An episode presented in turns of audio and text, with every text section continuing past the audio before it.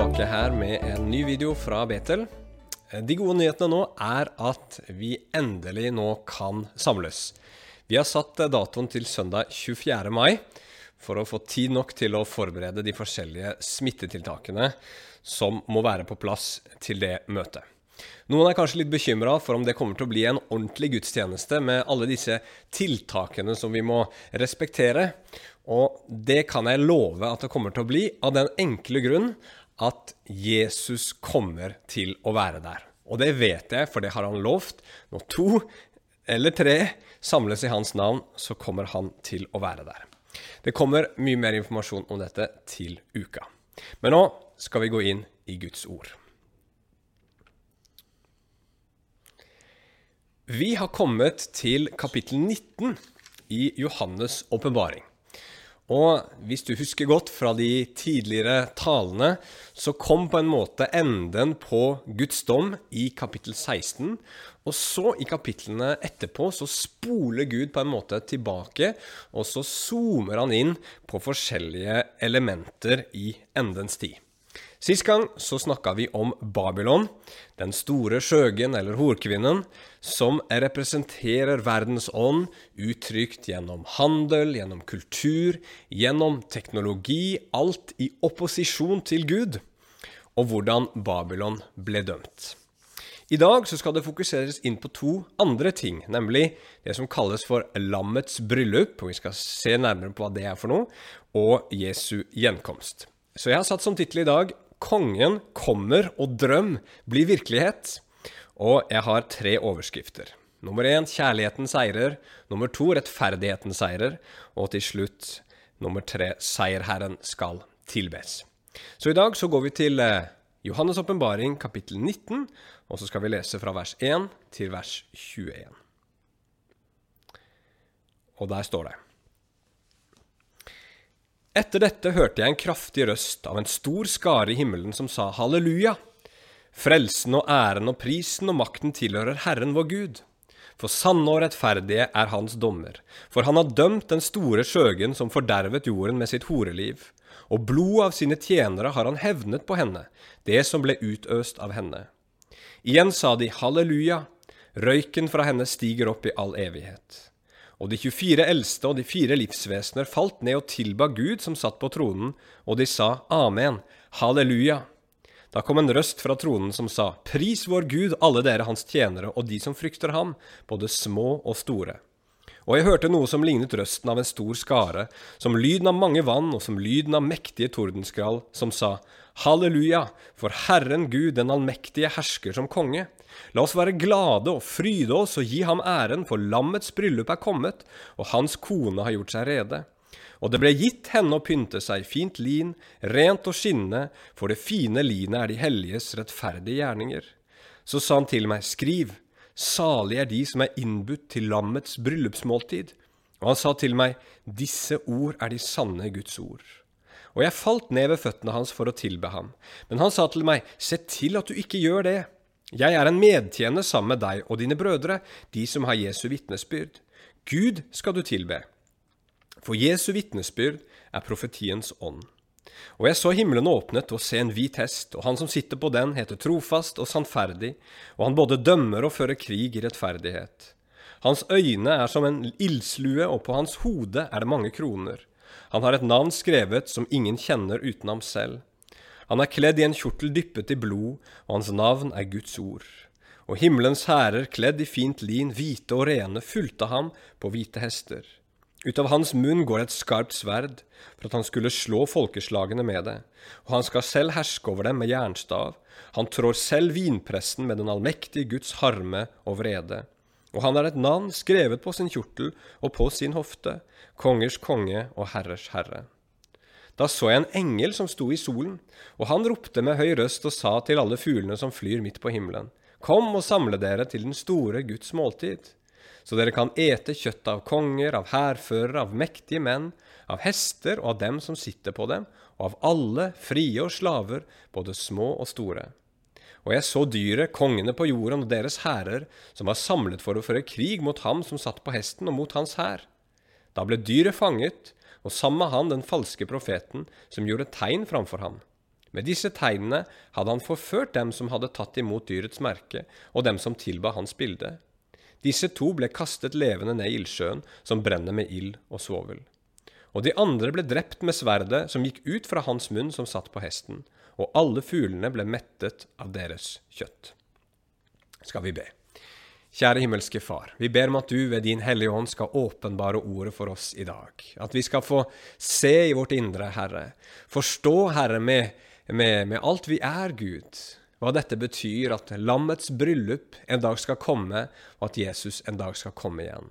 Herre, hjelp meg til å formidle dette nå. Hjelp enhver som hører det, til å forstå. I Jesu navn. Amen. Mitt første punkt er 'kjærligheten seirer'. Når vi begynner det avsnittet her, så ser vi at vi er ikke helt ferdig med Babylon, den store skjøgen, eller horkvinnen, som han også kalles i noen oversettelser. Lurer du på mer hva eh, som menes med Babylon, så kan du lytte til forrige tale. Eh, her gleder himmelen seg altså over Babylons fall.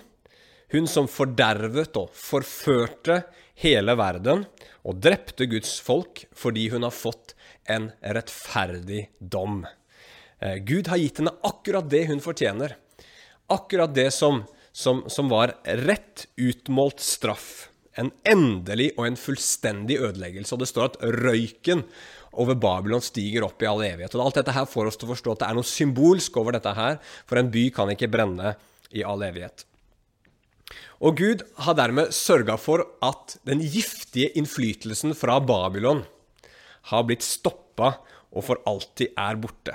Og det er en sånn sterk kontrast, hvis dere husker fra forrige kapittel, hvordan alle disse kjøpmennene og alle de som hadde beriket seg på Babylon, hvordan de gråt over Babylons fall. De sørget fordi hun ikke lenger kunne gi dem disse varene og disse opplevelsene og alle disse løftene av lykke som hun lovte hele verdens befolkning. Og det som skjer her da, det er at det ropes halleluja. Fire ganger. Både av engler og av mennesker. Det lyder som mange vann, det lyder som lyden av tordenskrall, står det her. Og dette her blir antageligvis mye kraftigere enn alle Maranata-møter som noensinne har vært til sammen. Og dette her er faktisk det eneste gangen i Det nye testamentet at ordet halleluja brukes. Men her er det grunn, for her er denne forførende horkvinnen er dømt. Men så er spørsmålet ville du og jeg ropt halleluja hvis vår luksus ble tatt bort. Hvis vi bare satt igjen med det ytterst nødvendige, ville vi jubla av glede. Det er lurt mange ganger å sjekke hjertet sitt for å se om de tingene vi eier, faktisk egentlig eier oss. Hvis Gud nå i framtiden kommer til å tillate økonomisk krise, trangere tider, nettopp fordi han vil at Babylons forførende løfter om materiell lykke skal bli avslørt. Vil du sørge over det, eller ville du glede deg? Vil du ropt halleluja? Det er noe å tenke over. Men det fins enda en grunn til at det ropes halleluja i teksten her, og det er kanskje, eller uten tvil, det viktigste. For Babylon, denne horkvinnen, står nemlig i kontrast til en annen kvinne, til bruden. Babylon, horkvinnen, hun er uren og troløs, men bruden, hun er ren, og hun er trofast. Babylon, hun får ruin og ødeleggelse, og bruden får et bryllup. Og de som er invitert, står det her, til dette bryllupet, de er salige eller lykkelige. Og da kommer jo spørsmålet, ja, hvem er denne bruden? Og hvem er disse gjestene? Sist gang så snakka jeg om at i Det gamle testamentet så sammenlignes forholdet mellom Gud og hans folk med forholdet mellom en brud og en brudgom. Hvorfor det? Vel, antageligvis fordi at ekteskapet ideelt sett er det sterkeste uttrykket vi kjenner til for kjærlighet og nærhet. Her har du en mann og en kvinne som, som er grepet og betatt av hverandre, som vil ha hverandre. Her loves det trofasthet, livet ut. Her er det villighet til å være sårbar og blottlegge seg. Og her er det også den nærmeste menneskelige intimiteten vi kjenner til eh, når det i ekteskapet da fullbyrdes med den seksuelle relasjonen. Så ekteskapet ideelt sett peker på forholdet mellom Gud og hans folk. Nå sies det med glimt i øyet at kjærlighet gjør blind, og ekteskapet åpner øynene. Og det er vel sånn at det menneskelige ekteskapet er nokså ufullkomment i vår syndige verden. Men det finnes allikevel et ideal der som vekker en dyp lengsel i vårt indre. Og dette her gjenspeiles i alle de historiene vi forteller, sangene vi synger, og eventyr og legender som har blitt fortalt fra uminnelige tider, og ikke minst også i, i, moderne bøker og filmer. Det er denne her jakten og denne lengselen på den sanne, eller etter den sanne kjærligheten. Så det Gud sier i sitt ord når han snakker om lammets bryllup, som en dag skal komme, det er at alle disse historiene og det ekteskapet også vitner om, og, og hva det vekker i oss av lengsel, det er noe Gud en dag kommer til å oppfylle fullt ut. Alle ekteskap, mer eller mindre ufullkomment, peker på noe vidunderlig fullkomment som Gud en dag skal gi i relasjonen mellom seg selv og sitt folk. I den jødiske kulturen, når noen skulle gifte seg, så begynte det med at en mann og en kvinne først ble trolova. Og etter at de var trolova, og, og det hadde blitt satt en dato for bryllupet, eh, så gikk brudgommen for å eh, skaffe til veie det som skulle eh, til for å betale brudeprisen, og han lagde også et hjem. De var på en måte ikke gift ennå, men de var bundet til hverandre. Og så gjør bruden seg klar, og så, når tiden er inne, kommer brudgommen til brudens hus. Det var tradisjonen. Kommer til brudens hus sammen med noen venner, og så henter han bruden hjem til seg. Og så er det der bryllupsfesten foregår, og det er også der hvor ekteskapet blir fullbyrda. Og Dette her var en fantastisk høytid i den jødiske kulturen. Det var noe man gleda seg til i månedsvis, og sikkert snakka om i årevis etterpå. Og alt dette her ligger i evangeliet. Gud, han utser seg et folk som han trolover seg med. Først i Det gamle testamentet er det Israel, og så blir vi alle mennesker gjennom Jesus da inkludert i dette løftet og blir en del av hans eiendomsfolk. Eh, Gud betaler brudeprisen ved at Jesus dør på korset, og Gud gjør i stand et sted for sin brud. Og så, i dette kapitlet her, så kommer vi da til det øyeblikket hvor Gud kommer for å hente sin brud. Jesus kommer for å gi sin brud nærhet, trygghet og glede i all evighet, på en måte som oppfyller alle lengsler. Og dette her er det Gud vil for alle mennesker. Gud vil ikke at vi mennesker skal være som horkvinnen som søkte å slukke sjelens dype lengsler og, og tørst etter ting fra denne verden. Og så fant hun bare synd, og så fant hun bare død. Han vil at alle mennesker skal være en del av hans brud, og han innbyr alle mennesker til denne festen som en dag skal komme. Vi får både være bruden, og vi får lov til å være gjest. Hvordan da?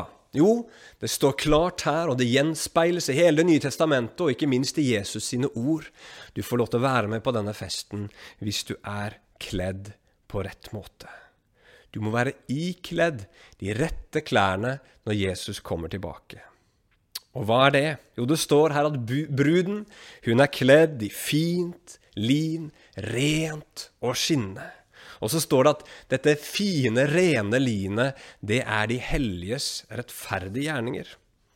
Hva betyr det? Betyr det at for å kunne være Jesus sin brud, så må man leve rent?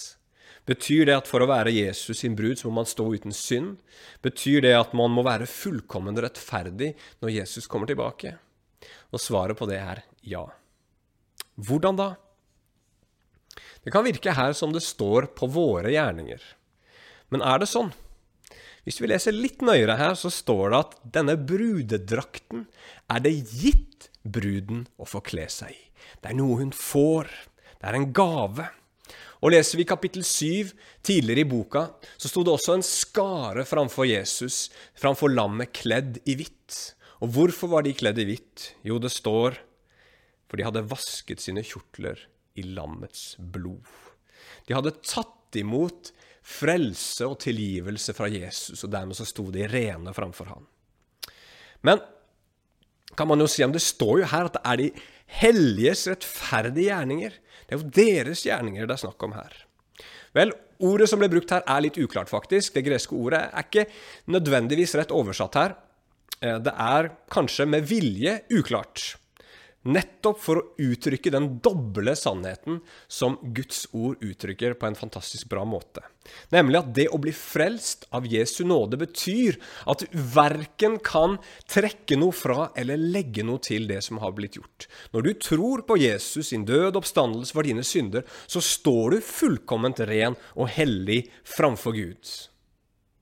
Men det betyr ikke at når du har blitt frelst på den måten, så vil du fortsette å leve et syndig liv. Du, du, vil ikke se på det som en mulighet til å kunne nå gjøre alt det du har lyst til å gjøre, som er galt og feil i Guds øyne.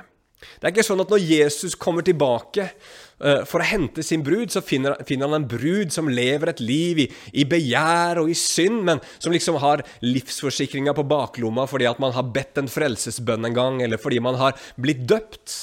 Nei, Frelsen, nåden, den forvandler oss, som det står i Bibelen. Den opptukter oss til et liv i rettferdighet. Så når Jesus kommer tilbake, så kommer han tilbake til en brud som lengter etter hellighet, og som mer enn det lengter etter ham.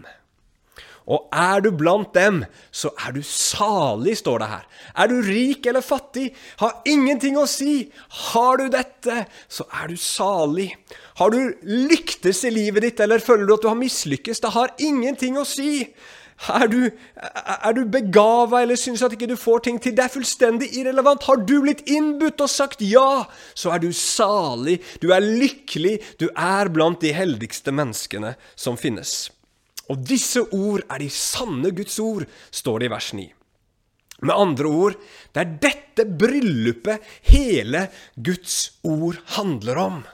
Det var derfor Gud kalte Abraham. Det var derfor Jesus kom til jorden og døde. Det var derfor Kirken fikk i oppdrag å forkynne evangeliet om Jesus og gjøre alle folkeslag til disipler. Fordi det kommer et bryllup. Det kommer en dag da Gud og mennesket i Jesus Kristus skal forenes. Hvor vi skal få møte Gud og komme i en sånn nær og herlig kjærlighetsrelasjon til Han i all evighet, som blir så vidunderlig vakkert at det oppfyller absolutt ut alle lengsler.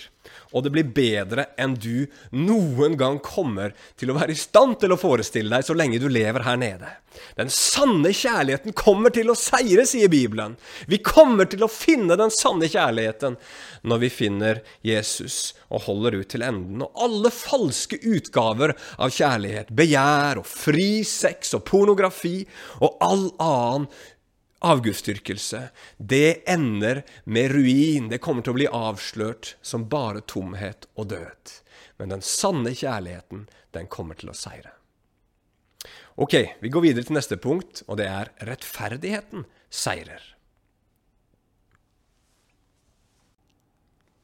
Det finnes nemlig mer å glede seg over enn som så. Jeg nevnte i stad at veldig mange av våre historier handler om denne jakten på den sanne kjærligheten. Det fins også en del andre historier som vi forteller, og som fyller både bøker og filmer. Og det er historien om, om, om hvordan en helt kommer og redder menneskene fra en eller annen undertrykker, en ond makt som har bundet og, og som ødelegger dem.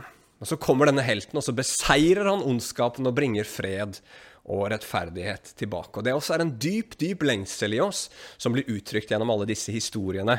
Og det som åpenbares her da, i Johannes' åpenbaring kapittel 19, det at også den historien, også den lengselen, er sann og vil få en sann oppfyllelse.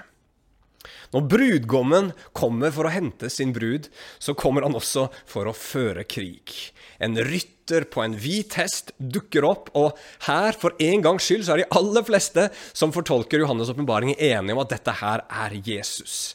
Han kom i ydmykhet den første gangen han kom til jorda, men andre gangen så kommer han med makt. Han kommer ikke som en dispot, som vi skal se, men han kommer med makt. Han sitter på en hvit hest, han er ren og han er majestetisk. Han kalles uh, trofast og sannferdig. Han kan ikke svikte, og han kan ikke lyve. Og så er det enda mer bemerkelsesverdig at det står at han både dømmer og fører krig i rettferdighet.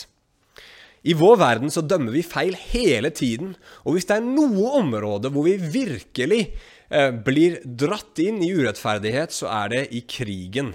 Når vi bedriver krig, så er det så mye eh, grusomhet og urettferdighet, men ikke hos Jesus. Han kommer for å føre krig med rettferdighet.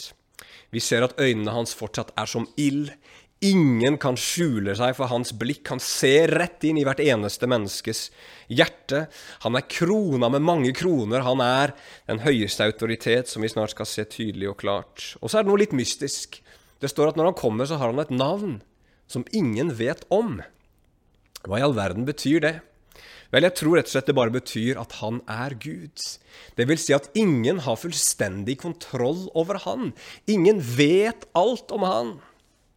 Det blir litt som i Narnia-bøkene, når eh, Lucy, tror jeg det er, spør en av disse beverne om Aslan, denne løven. Er han trygg? Han hørtes så farlig ut. Er han trygg? Og så svarer beveren, han er ikke trygg, men han er god. Og sånn er det med Gud også. Vi har ikke full kontroll over han. Han er den han er. Eh, og, og, vi vet ikke alt om han, men allikevel så kan vi være helt sikre på at han er god, og vi kan stole på det. Han er sin egen herre, men han er en god herre. Og Så står det i tillegg at når Jesus kommer, så er kappene hans eller klærne hans dyppa i blod. Så kalles han Guds ord. Og Guds ord er jo eh, en av eh, favorittitlene til Johannes på Jesus. Men det er litt merkelig her. Jesus han kommer for å føre krig. Krigen har ikke begynt, og allikevel så har han blodige klær på seg. Og det er jo selvsagt fordi han det, han uttrykker her at han nettopp er lammet som har blitt slakta for verdens synder. Han kommer for å dømme verden, men han kommer fortsatt med tilbud om frelse. Og det er sånn at Alle mennesker må en dag møte Jesus. Og Da er spørsmålet vil du møte han som dommer, eller vil du møte han som frelser? Vil du møte han som Guds ord som dømmer, eller vil du møte han som Guds ord som redder deg fra våre synder. Jesus han er fullkommen rettferdighet, og han er fullkommen nåde. Det er det han åpenbarer som her. Og så er spørsmålet hva vil du ha? Vil du møte Jesus i fullkommen rettferdighet, eller vil du møte Jesus i fullkommen nåde? Vil du si til Jesus, se her, Jesus, jeg har levd et ganske godt liv, jeg har ikke vært spesielt ille, jeg har gjort en god del gode ting, og ikke gjort noen store feil i livet mitt. Da ber du Jesus om rettferdighet. Er det, et, er det, en god ting å be han om? Nei, da vil du merke hvor skarpt det sverdet som går ut fra hans munn, er. Og det kommer til å legge din sjel bar. Og alt det som du har glemt, det kommer til å bli åpenbart. Alt det du har skjult, alt det du har dyssa ned eller tona ned og unnskyldt. Alt sammen kommer til å bli lagt åpent og bart. Ingenting blir forbigått, og så kommer du til å bli dømt med en rettferdig dom. Og Da sier Bibelen at da vil vi gå fortapt. Men vi kommer til å gå fortapt med lukka munn. For vi kommer til å måtte innse at dette her er fullkommen rettferdighet. Eller vil du møte Jesus med bønn om nåde? Vil du, som tolleren gjorde i tempelet, si Gud, vær meg en synder nådig? Vil du si 'jeg vet jeg fortjener din rettferdige dom', men kan du være nådig mot meg? Kan jeg få eh, tilgivelse for mine synder? Og da skal du vite at Jesus kommer med blodige klær. Det vil si at han allerede har betalt. Han har allerede betalt prisen for å tilgi deg for dine synder. Og det betyr at du kan være helt trygg på at han kommer til å si ja. Og at han kommer til å invitere også deg med på denne bryllupsfesten, og at du også kommer til å få lov til å være med i hans hærfølge som vi ser her, som sikkert består av engler og troende, som har stått opp igjen. og Det skal vi komme tilbake igjen til mer seinere. Så står det videre her at Jesus han, eh, han kommer, og så slår han folkeslagene med sverdet fra sin munn. Han skal styre dem med jernstav, og han skal trampe Guds vinpresse. Noe av dette her har vi allerede sett tidligere i eh, Johannes' åpenbaring. Men dette her er også konkrete oppfyllelser av Gamletestamentets profetier om Messias. Så her sies det her kommer Jesus, her kommer den Messias som Det gamle testamentet snakker om. Og mange jøder har litt vanskelig i dag for å tro at Jesus virkelig var Messias, fordi at de ser at han oppfylte ikke mange av de profetiene om Messias som Det gamle testamentet forteller om, bl.a. at han skulle bringe dette rike av fred og rettferdighet. Og Det som, det som Bibelen forklarer, da, det er at jo, Jesus kommer den, en gang til. Han kommer denne andre gangen, og da skal han oppfylle disse siste løftene fra Det gamle eh, testamentet. Da skal, bringe, da skal, han bringe fred og rettferdighet til hele jorda. Så står det her til slutt, for å liksom krone det hele, at på hans hofte, der hvor sverdet pleier å henge, og på hans eh, kjortel, på klærne hans, så står det skrevet 'Kongers konge og herrers herre'. Her kommer den øverste autoritet. Her kommer den virkelige kongen. Og så følger noe som minner veldig om slaget på Harmageddon, som vi så i kapittel 16. Hva er det? Vel, vi har vært inne på det før. Det er en slags siste verdenskrig av noe slag, hvor dyret denne verdens herskeren, som representerer dette riket, som vi har sett tidligere, eh, går til krig, går til angrep på Jesus. Eh, det er ikke helt klart i, i Bibelen, men når vi leser f.eks. Zakaria i, i, Det gamle testamentet, kapittel 12, 13, 14 der, så kan det virke som om foranledningen til dette her er at hele verden av en eller annen grunn går til angrep på Israel. Alle nas verdens nasjoner vender seg mot dem, leda da antageligvis av dette dyret som vi ser her. Og så er det på en måte hatet mot Gud som gjør at de vender seg mot hans folk. Så det er til syvende og sist en kamp imot Gud. Og Israel, idet de bukker under, så kommer Jesus tilbake, redder sitt folk og seirer. Eh, og det er så nærmest komisk her hvordan det er beskrevet at dette her foregår. For det første så er Jesus sikker på seier. Englene hans stiller seg i solen og kaller sammen jordens fugler og inviterer dem til fest. Det skal bli fest i himmelen, leste vi om litt før, hvor alle de troende får lov til å feire sammen med Jesus at lammets bryllup er kommet. Og så blir det også en tragisk fest på jorden, hvor fuglene skal spise kjøttet til alle de som går til krig mot Jesus og går under. Så det er ingen tvil om hvordan dette kommer til å gå. Men så syns jeg det blir enda litt mer komisk, fordi at det ikke blir noe kamp. Du vet, I alle krigsfilmer med litt respekt for seg sjøl, så må du ha med noen sånne 10-15 minutter lange kampscener, ikke sant? hvor det, det, det går litt fram og tilbake, og, og, og, det er action. Her får du i, i, i vers 19 en beskrivelse av dyr og hans hære som på en måte liner seg opp ikke sant? og gjør seg klare til kampen. Så kommer vi til vers 20, og så står det bare Og dyret og den falske profeten, som vi hørte om, ble grepet. Altså, det fins ingen kamp. Det bare stopper med en gang. Jesus er fullstendig overlegen, og så blir disse to, eh, dyr og den falske profeten, kasta i ildsjøen. og Det skal vi også komme tilbake til i neste tale. Men ikke nok med det, da. Jesus han har med seg en hel hær, men hæren hans kjemper ikke. Jesus seirer helt alene, og hvordan gjør han det? Jo, han gjør det ved sverdet fra sin munn, står det. Altså ved hans ord. Jesus bare taler og så er alle fiendene hans beseira. Så nå er når vi er kommet hit i Johannes' åpenbaring, så er all ondskap på jorden knust, og rettferdigheten har seira gjennom Jesus. All vår lengsel etter fred og rettferdighet skal den dagen bli oppfylt.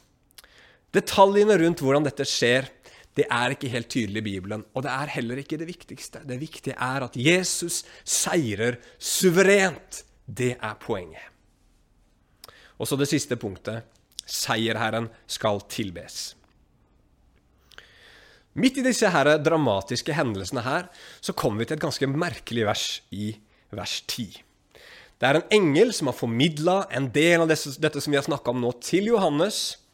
Og Johannes han ender opp med å falle ned for denne engelen og tilbe. Det er på en måte rett reaksjon, men det er feil person. Og Derfor så må denne engelen irettesette Johannes og si 'bare Gud skal du tilbe'. Og så en litt merkelig setning. For Jesu vitnesbyrd er profetiens ånd. Hva menes med det? Vel, for det første, dette budskapet her, hvis du og jeg virkelig griper det, og hvis vi blir grepet av det, så kommer vi til å falle ned og tilbe. Kan du se for et håp, for et framtidshåp dette her gir? Her sier Bibelen at alle de dypeste lengslene i våre hjerter, etter kjærlighet og etter rettferdighet, etter rettferdighet kommer til å bli oppfylt. Gud skal sørge for det. Åh, og det får du gratis, fordi Jesus har betalt med blodpris. Det er gode nyheter. Det er et vidunderlig håp. Og her må vi bare be Gud om mer lys. Selv om du er frelst, så finnes det så mye mer du kan se, og Det nye testamentet er fullt av bønner nettopp om å få se dette tydeligere og klarere. For Guds tanke er virkelig at evangeliet skal gjennomsyre hele livet vårt. Det skal påvirke livsførselen vår. Evangeliet skal gi oss større glede og større ro. Det skal gjøre at vi får større nåde for andre mennesker. Det skal gi oss eh, en større vilje til å lyde Gud, og ikke minst gi oss mer håp og tro. Og alt dette her, det skjer når evangeliet får rom og plass i tanke og sinn og i hjertene våre. Og det skjer når du og jeg setter oss ned og leser Guds ord, og Den hellige ånd åpenbarer det for oss, gjør det levende for oss. Men veldig ofte så skjer det gjennom mennesker, som Gud har gitt innsikt, åpenbaring og formidlingsgave. Gjennom forkynnere. Og forkynnere skal vi virkelig takke Gud for. Forkynnere skal vi løfte opp på én side. Men samtidig skal vi være forsiktige med å sette dem på en pidestall. Vi må ikke gjøre eh, forkynnere, uansett hvor dyktige og karismatiske de er, til nærmest guddommelige personer, og, og nærmest tilbe dem. En forkynner, om han virkelig kan, har evnen til å åpenbare Jesus, så, så ditt hjerte blir berørt, så er den forkynneren bare en tjener, akkurat som denne engelen her. Det er ingenting spesielt med oss forkynnere. Vi er bare mennesker som har fått en gave og det er alt. Ikke gi kristne ledere heltestatus. Det skygger for den sanne helten, for det første. Og for det andre så setter det deg i fare når din favorittleder på et eller annet tidspunkt kommer til å svikte eller å falle. Det fins bare én helt. Og dette her tenker jeg også forteller oss hva det rette kriteriet for god kristen formidling er for noe. Altså hva det betyr at Jesu vitnesbyrd er profetiens ånd. I grove trekk så betyr det at all sann kristen forkynnelse, all sann kristen profeti, til syvende og sist handler om og peker på Jesus. Du skal være veldig varsom hvis noen kommer til deg og, og, og, og, har en profeti over livet ditt hvor du er i sentrum. Hvor du eller andre blir opphøyd. Gud har sett deg. Du er spesiell. Gud har et spesielt kall på livet ditt. Det appellerer nemlig til et eller annet i oss. Et eller annet kjødelig i oss som ønsker å være spesielt fordi vi er spesielle. Men Bibelen sier at vi er spesielle i Guds øyne, men ikke, men ikke, fordi det er noe spesielt med oss, men fordi det er noe spesielt med Han. Og Det gir oss den friheten vi skal ha. Men, men i sånne typer profetier hvor du blir satt i fokus, så har det en tendens til å blåse oss opp. Eller forkynnelse som legger byrden for din frelse eller verdens frelse på dine skuldre. Alt dette her det leder bare til opphøyelse av mennesker, og det leder også til eh, inn i, inn i slaveri og, og legge store byrder på oss. Nei, kjære venner, kriteriet for all god kristen formidling er det at eh, Jesu Kristi vitnesbyrd er profetiens ånd. Det vil si at det skal være tydelig både i hvordan vi formidler budskap fra Gud, og i hvordan vi tenker også om, om, om våre egne liv. At det fins bare én helt. Det fins bare én eneste helt i mitt liv, og det er ikke meg. Det er Jesus. Det fins bare én helt i ditt liv, og det er Jesus. Det fins bare én vi skal beundre. Det fins bare én vi skal tilbe. Det fins bare én vi skal kaste oss ned for, og det er Gud, åpenbart i Jesus Kristus, som har sørga for, og som en dag skal oppfylle det fullt ut, at kjærligheten seirer, som skal en dag sørge for at rettferdigheten seirer, han og han alene, vår Gud åpenbart i Fader, Sønn og Hellig Ånd, han skal vi tilbe. Halleluja. Fordi det er sånn at alt er hans verk, at det er han som har gjort det fra begynnelse til slutt. Og at vi får ta imot dette av nåde, så betyr det at det finnes håp. Det finnes håp for deg uansett hvem du er, uansett hva du har gjort, uansett hvor du kommer fra, uansett hva du kjemper med akkurat nå, så fins det håp for deg, for håpet er ikke i deg. Halleluja. Håpet er i Han. Håpet er i Jesus Kristus. Det er det gode håpet. Det er det fantastiske vi får lov til å leve i når vi holder fast ved kjernen i det kristne budskapet, at Jesus Kristus, og bare Han, er helten. La oss be til slutt. Herre, åpenbar Jesus for oss i dag. Herre, la oss få se at det våre hjerter tørster etter, det som vi lengter etter Jesus, og som gir seg uttrykk i så mange feilaktige begjær, Herre Jesus, og så mange feilaktige handlinger og synder, Herre. Den dype lengselen der i våre hjerter, Herre, skal bli oppfylt den dagen Jesus kommer tilbake, og vi skal feire bryllupsfest, og all urettferdighet og ondskap skal tilintetgjøres. Herre, hjelp oss å leve i det håpet akkurat nå. Hjelp oss å se det akkurat nå, så vi kan leve i tilbedelse og bygge våre liv på deg, Jesus, og på det du har gjort. I ditt navn vi ber. Amen. Jeg vil avslutte med å lyse velsignelsen over dere.